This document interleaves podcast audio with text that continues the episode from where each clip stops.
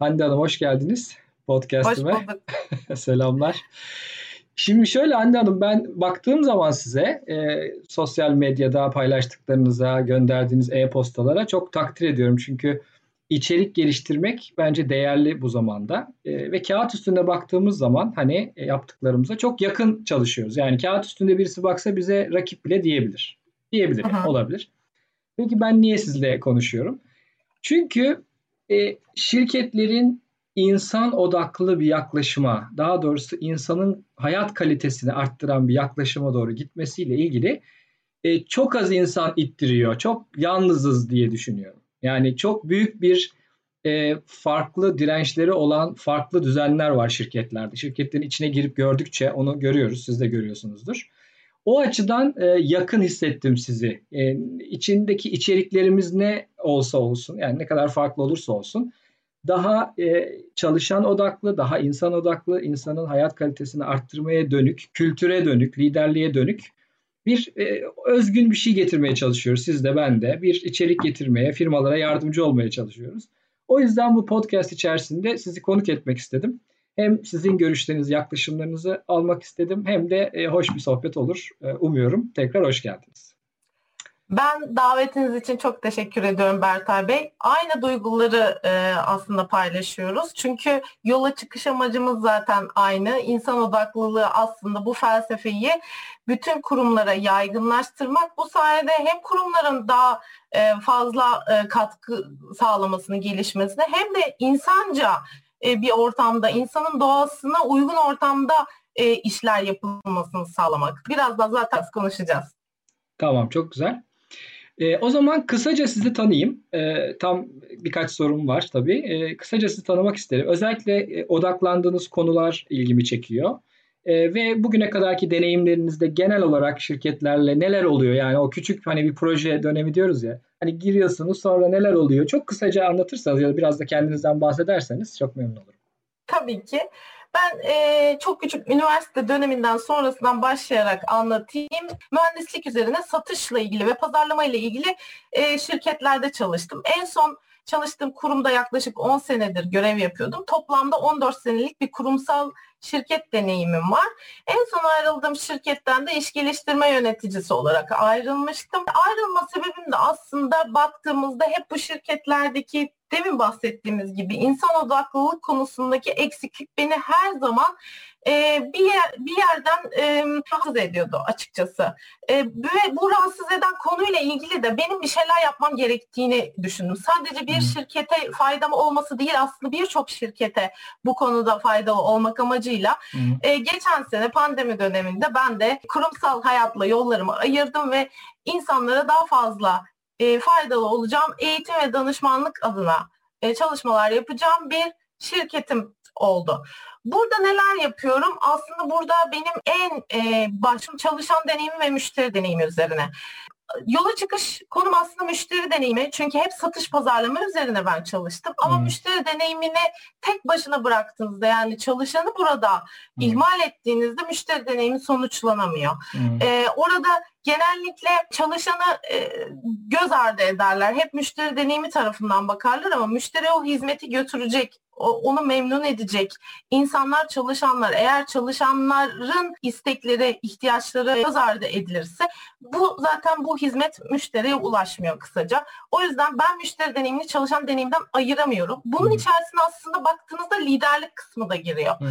E, çünkü liderlik zaten bunları organize edebilme yeteneği. Hı. Birazdan o liderlik kısımlarına da açacağım nasıl baktığımı. Biraz e, şu anki yönetim tarzına aykırı bir bakışım var. Hı hı. E, çünkü bu, bu e, bürokratik sistemlerin artık 21. yüzyıl demeyeceğini düşünüyorum. E, birazdan anlatırım onları. Yani kısaca eğitim ve danışmanlık hizmeti vererek insan odaklık felsefesini sizin gibi yaymak isteyenlerden biriyim. Amacım e, rekabet değil hep birlikte bir şeyler yapabiliriz. Bu felsefeyi daha çok yaygınlaştırabiliriz. Çünkü tek kişi bunu ne kadar kalkabilir? Birlik olursak e, daha fazla sesimiz çıkar diye düşünüyorum açıkçası. Tamam çok güzel harika. E, şunu merak ediyorum. E, şu ana kadarki deneyiminizde sizin de deneyiminiz benim kadar hani çok uzun yıllar değil. Ben de pandemiden hemen önce e, özgürlüğüme kavuşmuştum. E, şirketlerde özellikle bu yönetim ve insan odaklılık üzerinden en büyük gördüğünüz sıkıntı noktaları neler acaba? Ben aslında insan odaklılığı bir bütün olarak ele hmm. alıyorum. Demin de dediğim gibi. Hmm. Yani burada çalışandan müşteri hatta tedarikçiye kadar bir e, ekosistem e, ekosistem var ve bu hmm. ekosistemde insana e, dair bir yaklaşım ve bilim olması gerektiğine inanıyorum.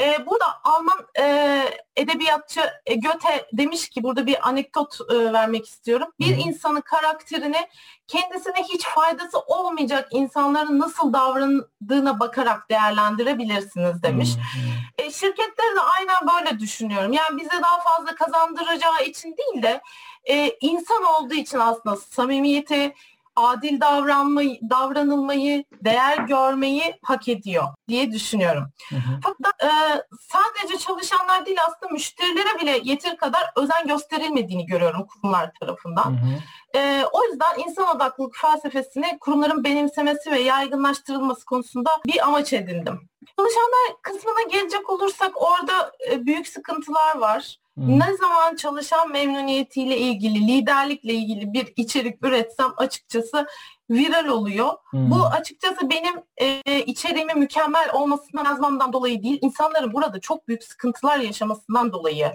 aslında insanlar beğeniyorlar bu konuları. E, bir kere burada yöneticinin bir komuta sistemiyle yönetmeye çalışması hmm. a, yetişkin olan iki taraf için de ebeveyn çocuk benliğinden iletişim kurmasına neden oluyor.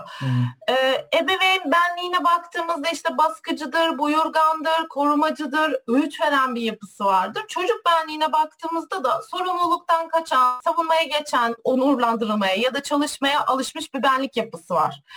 Aslında en sağlıklı olan e, iletişim tarzı yetişkin yetişkin iletimi. Yani hmm. burada e, ebeveynden çocuğa e, geçen bir iletişim aslında sağlıksız bir iletişim. Burada yetişkin yetişkin benliğinden iletişime geçersek e, şirketlere de kişilere daha büyük kazanımlar sağlayacağına inanıyorum. Bunun dışında insan odaklılık konusunda en önemli sıkıntılardan biri de liyakatsiz bir yönetimin olması. Hmm. Çalışanlar genellikle fedakarlık yapıyorlar, emek veriyorlar şirketlerine. Ee, burada tabii ki hak etmedikleri tarzda bir davranış e, sergilenince e, ne yapıyorlar? İki tane davranışta bulunuyorlar. Bir tanesi ya işi gerektiği gibi yapmamaya başlıyorlar ya da e, alternatif bir şirket arayışına giriyorlar. Hmm. Bu durumda da şirketler aslında bunun maliyetlerini alt alta toplayıp da somut bir şekilde çıkaramadıklarından dolayı e, konuya aslında çok olmuyor. Yani o çalışanın getirisini hesaplayamıyorlar tabii bu kadar mutsuz çalışan da müşteriye ne kadar memnun edebileceği e, hepimiz tarafından tahmin edilebiliyor. Hı hı. Ya bu konu hakkında aslında saatlerce konuşabiliriz. Zaten içeriklerimin tümü de insan odaklılık temeline dayanıyor. Hı hı. E, şimdiye kadar da e, bu konuda yüzlerce içerik e, hazırlamışımdır. Bunlar şimdilik bahsetmek istediklerimde. Tamam çok güzel çok teşekkürler. E, içerik hazırlama ve pazarlama ile ilgili görüşünüzü ayrıca sunacağım, soracağım. Orada çok başarılı e, buluyorum sizi. Estağfurullah. Teşekkür kültür, ederim. Kültür değişimi deyince aklınıza ne geliyor? Sizce kültürün değişimi nasıl olur ve şu ana kadarki deneyimlerinizde e, bununla ilgili nasıl notlar aldınız? Şimdi bu yaşadığımız aslında büro, bürokratik yönetim sistemleri bize çağ dışı bir ortam sunuyor. E, liderliğin hala emir veren, ya da çok çalıştırmak o, olarak göründüğü bir zihniyetimiz hakim e, tüm ve yöneticilerde. Yönetim danışmanı Gary Hamel şöyle diyor, birine hükümdar benzeri bir yetki verin, er ya da geç bir kraliyet hatası olacaktır diye bir sözü var. O yüzden tek bir kişiye otoriteye veya gücü vermenin karşısındayım ben. Ve o tarz sistemlerde, o tarz yönetim şekillerinde hiçbir insanın da memnun ya da mutlu bir şekilde çalışma e, olmasına inancım yok açıkçası. Kısaca liderlik dediğimiz şey aslında bir zihniyet ve kültür işi. İsterse o kültür isteyen her çalışanından lider çıkarabilir ve bence çıkarmalı da. Geri bildirim konusundaki düşüncelerime girelim bu kültür değişimiyle ilgili. Hı hı. E, geri bildirimle ilgili eğer e, verdiğimiz geri bildirim şirketin hedefine göre hizalanmışsa yani hedefine ulaşma yolunda hizalanmışsa kişiye anında verilmesi gerektiğine inanıyorum. Yani bunun bir görüşmesini falan bekletilmeye hiç hiç e, bekletilmemesi gerektiğini düşünüyorum. E, bir kişi işi yaptığı sırada gerekli ve yapıcı geri bildirimleri almışsa kişinin işi nasıl yaptığı konusunda zihni çok net oluyor. Hmm. Doğru yolda olduğunu hissediyor. Ya da yanlış yoldaysa vakit geçmeden doğru yola ulaşabiliyor. Hmm. Şimdi burada bir e, örnek vermek gerekirse mesela tenis oynayanlar bilirler. Tenis oynarken eğer raketi topa doğru vurursanız top bir ses çıkar. Bu e, size hocanın yani öğretmenin verdiği geri bildirimle siz bu sesi algılarsınız ve öğrenirsiniz doğru vurduğunuzu. Aynı şekilde araç kullanırken de öyle. Manuel vites kullandığımızda e, eğer hızı arttırıp vitesi yükseltmezsek araç bağırmaya başlar. Ama e, bu aracın bağırma sesini hiç araç kullanmamış bir kişine an, kişiye anlatamazsınız, anlamaz. Çünkü orada e, aracın geçip o e, yanlışı hata yapmamıştır ve geri bildirimi almamıştır. Yani işlerde de aynı şekilde diyebilirim. E, geri bildirim derken en büyük yaptığımız sıkıntı, e, zorluk e, şu. Genellikle hedefe yönelik bir geri bildirim vermiyor yöneticiler ve genellikle bunu haddini bildirir şekilde veriyorlar. Hmm. E, başta da belirttiğim gibi e, yönetici ve ebeveyn değil, çalışan da bir çocuk değil aslında. Yani bizim geri bildirimimiz e, katkısı yoksa yönetici bunu kendine saklamalı diyorum. Çünkü herkes hatalarla doğmuştur, hatalar yapabilir. Eğer e, bu geri bildirimin işe bir katkısı yoksa e, kendine saklaması gerekiyor yöneticinin. Kuşaklar arası çatışmaya biraz değineyim yine bu kültürle ilgili. Ben açıkçası her şirkette her kuşağın olmasını çok değerli buluyorum. Çünkü burada eski kuşak dediğimiz kuşak aslında şirketin hafızasını oluşturuyor. İşini bilir, tarihini bilir, e, nereden geldiğini bilir. Eğer bir şirket hafızasını kaybederse bir hiç aslında. Hmm. Yeni nesile baktığımızda ise onlar da dünyanın bu hızlı değişimine adapte olabilen bir nesil ve yeni teknolojileri çok e, hızlı bir şekilde takip eden e, bir nesil. Aslında burada oluşturmamız gereken kültür e, burada kıdemi, yaşı ne olursa olsun herkesin birbirinden öğreneceği bir ortamı hmm. yaratmamız hmm. gerekiyor ve herkesin değerli olduğunu, birbirinden bir üstünü olmamasını herkese aşılamak gerekiyor diye düşünüyorum açıkçası. Çok güzel. Ben biraz hani çok benzer içerikler görüyorum birçok benzer konularda. Ee, mesela geri bildirimle ilgili benim yaklaşımım biraz da şöyle e, geri bildirim alma üzerine e, bir eğitim verilmesini ve bu konunun üzerine daha çok durulması gerektiğini düşünüyorum. E, genelde biz geri bildirim alırken e, hemen bir savunma mekanizması koyuyoruz. Arkasına bu ne saçma şey filtresi koyuyoruz. Arkasına bu benim ne işime yarayacak zaten yanlış bir laf e, filtresi koyuyoruz. Öbür taraftan da baktığımız zaman çalışanların geri bildirim alırkenki davranışları üzerinde de belki durulup hani bizler bu konularda da bazı çalışmalar yapıp o konuya da dokunabiliriz diye düşünüyorum. Orası da biraz daha az bakılan bir yer. Bildiğim kadarıyla e, geri bildirim verme üzerine çok eğitimler var yıllarca değil mi sektörlerde hep hep görüyoruz. E, işte taze olması lazım, eyleme olması lazım, kişilikle ilgili olmaması lazım, sık olması lazım ve bir karşılıklı bir şey olması lazım. Ama e, özellikle de geri bildirim alma ile ilgili e, şeyim var benim. Hani biraz takıntım var. Biraz o konunun üstünde durmaktan çok hoşlanıyorum.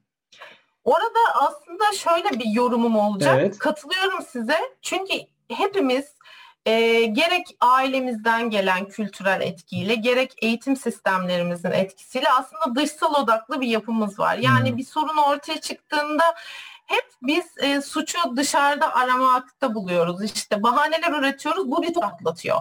Yani işte burada geri bildirim alırken diyoruz ki bu benden kaynaklanmıyor. Bu işte şu şirketten kaynak kaynaklanıyor, liderden kaynaklanıyor, buradaki ortamdan ya da müşteriden kaynaklanıyor.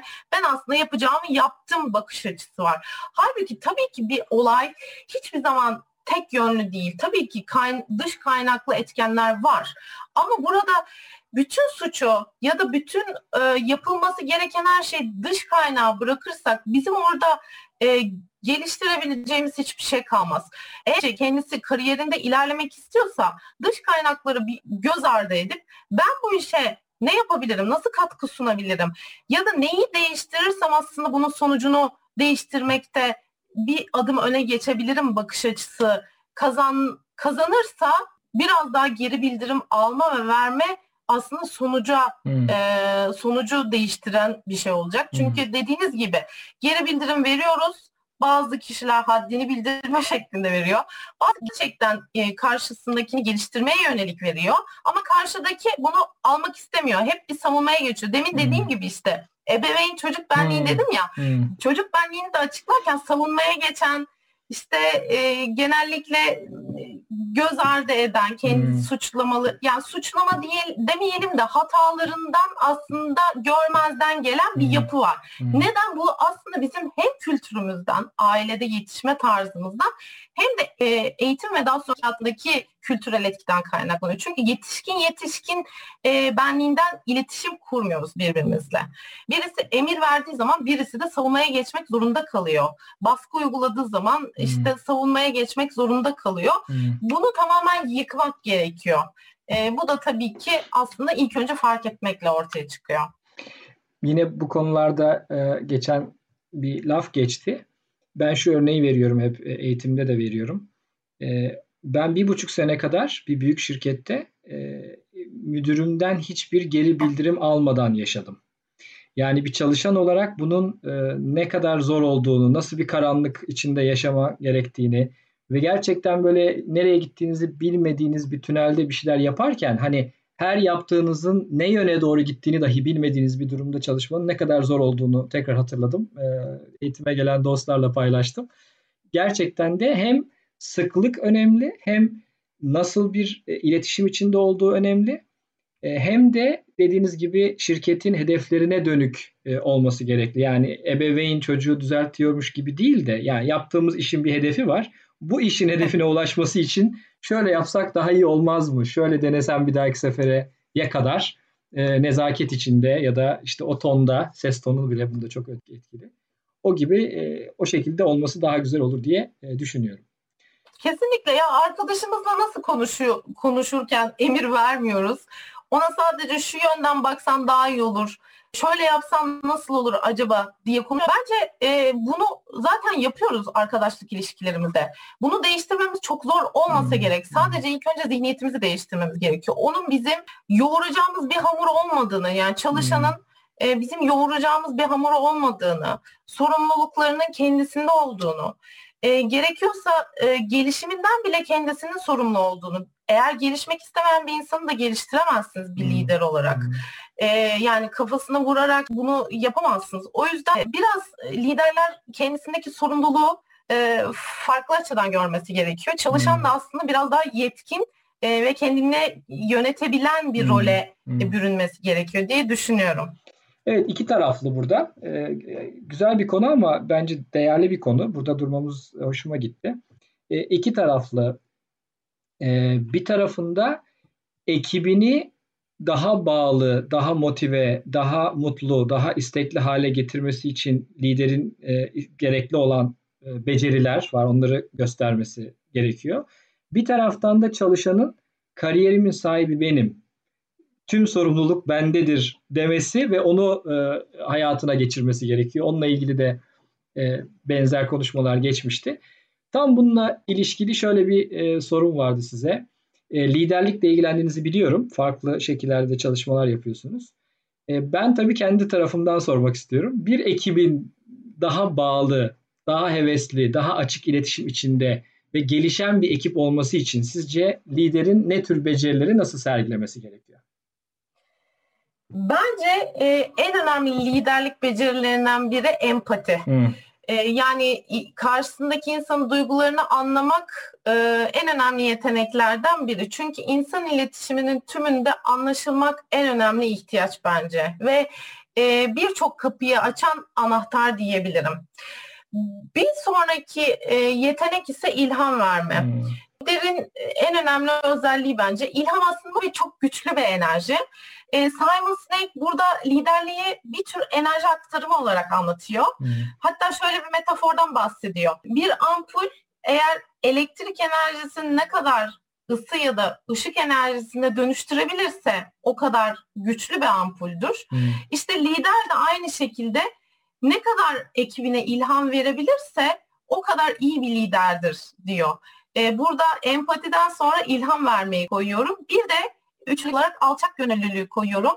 E, en önemli yetenek olarak. Lider eğer gücüne gücünü organizasyona dağıtacak kadar alçak gönüllüyse e, şirketi tek bir güce bağımlı hale getirmemiş oluyor ve hmm. aslında şirketi uzun ömürlü hale getiriyor ve çalışanlarını da aslında gelişimine katkıda bulunuyor. Gelişmek için bir coşku vermiş oluyor bu alçak gönüllülüğü sayesinde diye düşünüyorum. Empati, ilham verme ve alçak gönüllülük diyebiliriz bu çok, sorunun cevabına. Çok güzel. Ee, üçüncü kavramı ben yine kendimce e, dönüştürmüştüm. Kendi söylemi, herkesin bir söylemi var ne kadar güzel. Söylemlerimizi karşılaştırıyoruz.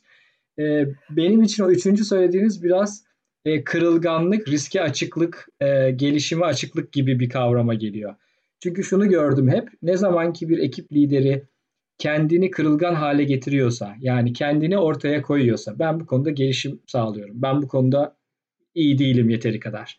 Veya şurada benim şöyle bir eksiğim oldu, onunla ilgili çalışıyorum. Yani kendini daha insan olarak, insani olarak ortaya koyarsa, o zaman ekibi e, daha daha bir anlayışlı ve daha e, insanca davranıyorlar. İşte hep gitmek istediğimiz e, yeri düşündüğümüz zaman o bağ e, daha anlayışlı ve daha uyumlu bir e, bağ yaratıyor.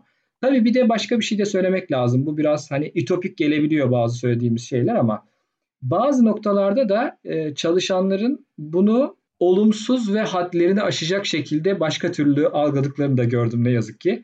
Ve bizde böyle bir yani algı var ya hani bir müdürüz işte bu kadar kişi bize rapor ediyor veya şirketin genel müdürüz vesaire. Belli bir güç algısına mecbur bırakılmış insanlar. Yani kendileri daha kırılgan hale getirdikleri ortaya koydukları zaman da o güç algısının azalacağı yönünde büyük bir kaygı duyuyorlar ve bazı çalışanların bu konuda gerçekten e, bunu kullandıkları ve e, onları da kötü duruma düşecek, müdürleri kötü duruma düşecek şekilde davrandıklarını da gözlemliyoruz. Yani aslında bir denge var. Yani bildiğimiz kültür bir taraftan asılıyor. Yani burada güç var, hiyerarşi var. Ben söylerim sen yaparsın. Biri gider biri gelir. E, bu böyle olacak. Ben bilirim sen az bilirsin gibi. Bir tarafta bu kültür e, gidiyor, asılıyor ipe. Diğer taraftan da acaba daha olumlu, daha uyumlu, daha anlayışlı başka bir versiyon olabilir mi diye e, hem bakan müdürler var hem de bizim gibi yardımcı olmak isteyen insanlar var. Peki. Evet, katılıyorum size. tamam. Geçişi ben yapmış gibi oldum. tamam, çok güzel. Peki, bir böyle farkındalık yaratan, sizde enteresan bir iz bırakan bir anekdotunuz var mı paylaşmak istersiniz? Ama şimdi sorunca aklıma bir hikaye gelmiyor ama e, kurumlarda hani en büyük sorunlar ne diye baktığımda aslında en büyük şeyin netlik ve şeffaflık eksikliği oluyorum. E, bu baya bir e, sorun halinde. Yani departmanlar birbirinden e, bir beklenti içindeler hmm. çoğunlukla. Ama görevleri net tanımlanmış olmadığı için ya da görevleri tanımlanmış olsa da gündelik ihtiyaçlara uygun olmadığı için o tanımlar e, yani güncellenmediği için yıllar öncesinden bir iş tanımı yapılmış ama şu anki ihtiyaçlara e, cevap vermeyen bir iş tanımı. O durumda da ne oluyor? İnsanlar birbirinden veriyorlar. A departmanı diyelim B'den bir iş yapmasını bekliyor. B ise bu işin onun görevi olmadığını düşünüyor. Hmm. E, bu da aslında iş yaparken birbirleri arasında sürtüşmeye, hmm. birlikte çalışamamaya, bilgi paylaşımını azaltmaya, e, birbirine güvensizliğe yol açıyor. Bunların çoğunun e, departmanlardaki silolaşmadan kaynaklı olduğunu düşünüyorum. Hmm. Ortak çalışılan projede departmanların ortadan kalkıp aslında rollerin devreye girmesi hmm. gerekiyor. Burada grubun amacının bir, bir şekilde ortaya konulmuş olması, rollerin ve yetkilerinin tanımlanmış olması e, insanların aslında birlikte güzel işler çıkarabileceği ve başarabileceğini gör e, görmelerini sağlar diye düşünüyorum. Burada lik ve şeffaflık üzerine de e, durmuş olalım bu vesileyle. Peki e, yavaş yavaş toparlarsak Hande Hanım biraz böyle e, büyük bir ırmağın ters yönüne kürek çekiyor gibiyiz. E, siz de ben de.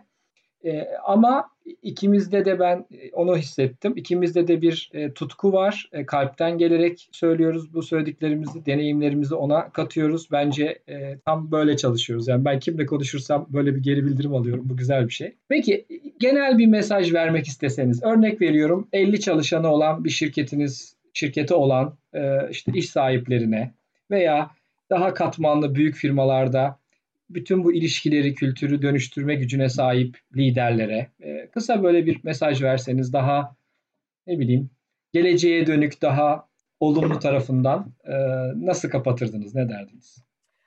Valla şirket yönet yöneticilerine insanların bağlılığını sağlamak için aslında kendileri ve çok sevdikleri arkadaşlar arasındaki bağı kopyalamalarını öneriyorum. Hmm, Çünkü insanın ihtiyaçları e, çok benzer. Yani insanın temel ihtiyaçları çok benzer ve bunlar karşılandığında da insanlar zaten iyi hissetmeye başlıyorlar. Hmm. Bunlar neler biraz örnek vereyim. İşte hepimiz aslında sevilmek isteriz değil mi? Tanımak isteriz, takdir görmek, gurur duymak isteriz, iyilik yapmak isteriz. Başarılı olduğumuzu hissetmek isteriz. Bir grubun parçası olduğumuzu bilmek isteriz. Kabul edilmek, anlaşılmak isteriz. Güvenmek ya da güvenilmek isteriz. Zorlu bir hedefi gerçekleştirebildiğimizi görmek isteriz. Ya da yaptığımız işin birilerine iyi geleceğine inanmak isteriz. Eğer bunlar e, bunları çalışanlarımıza bu ortamı yaratabilirsek, bu e, ihtiyaçları olan bu ortamı yaratabilirsek zaten şeritimizle güçlü bağlar kurmaya zaten aday haline geliyorlar. Kendileri bunu tutkuyla zaten istiyorlar.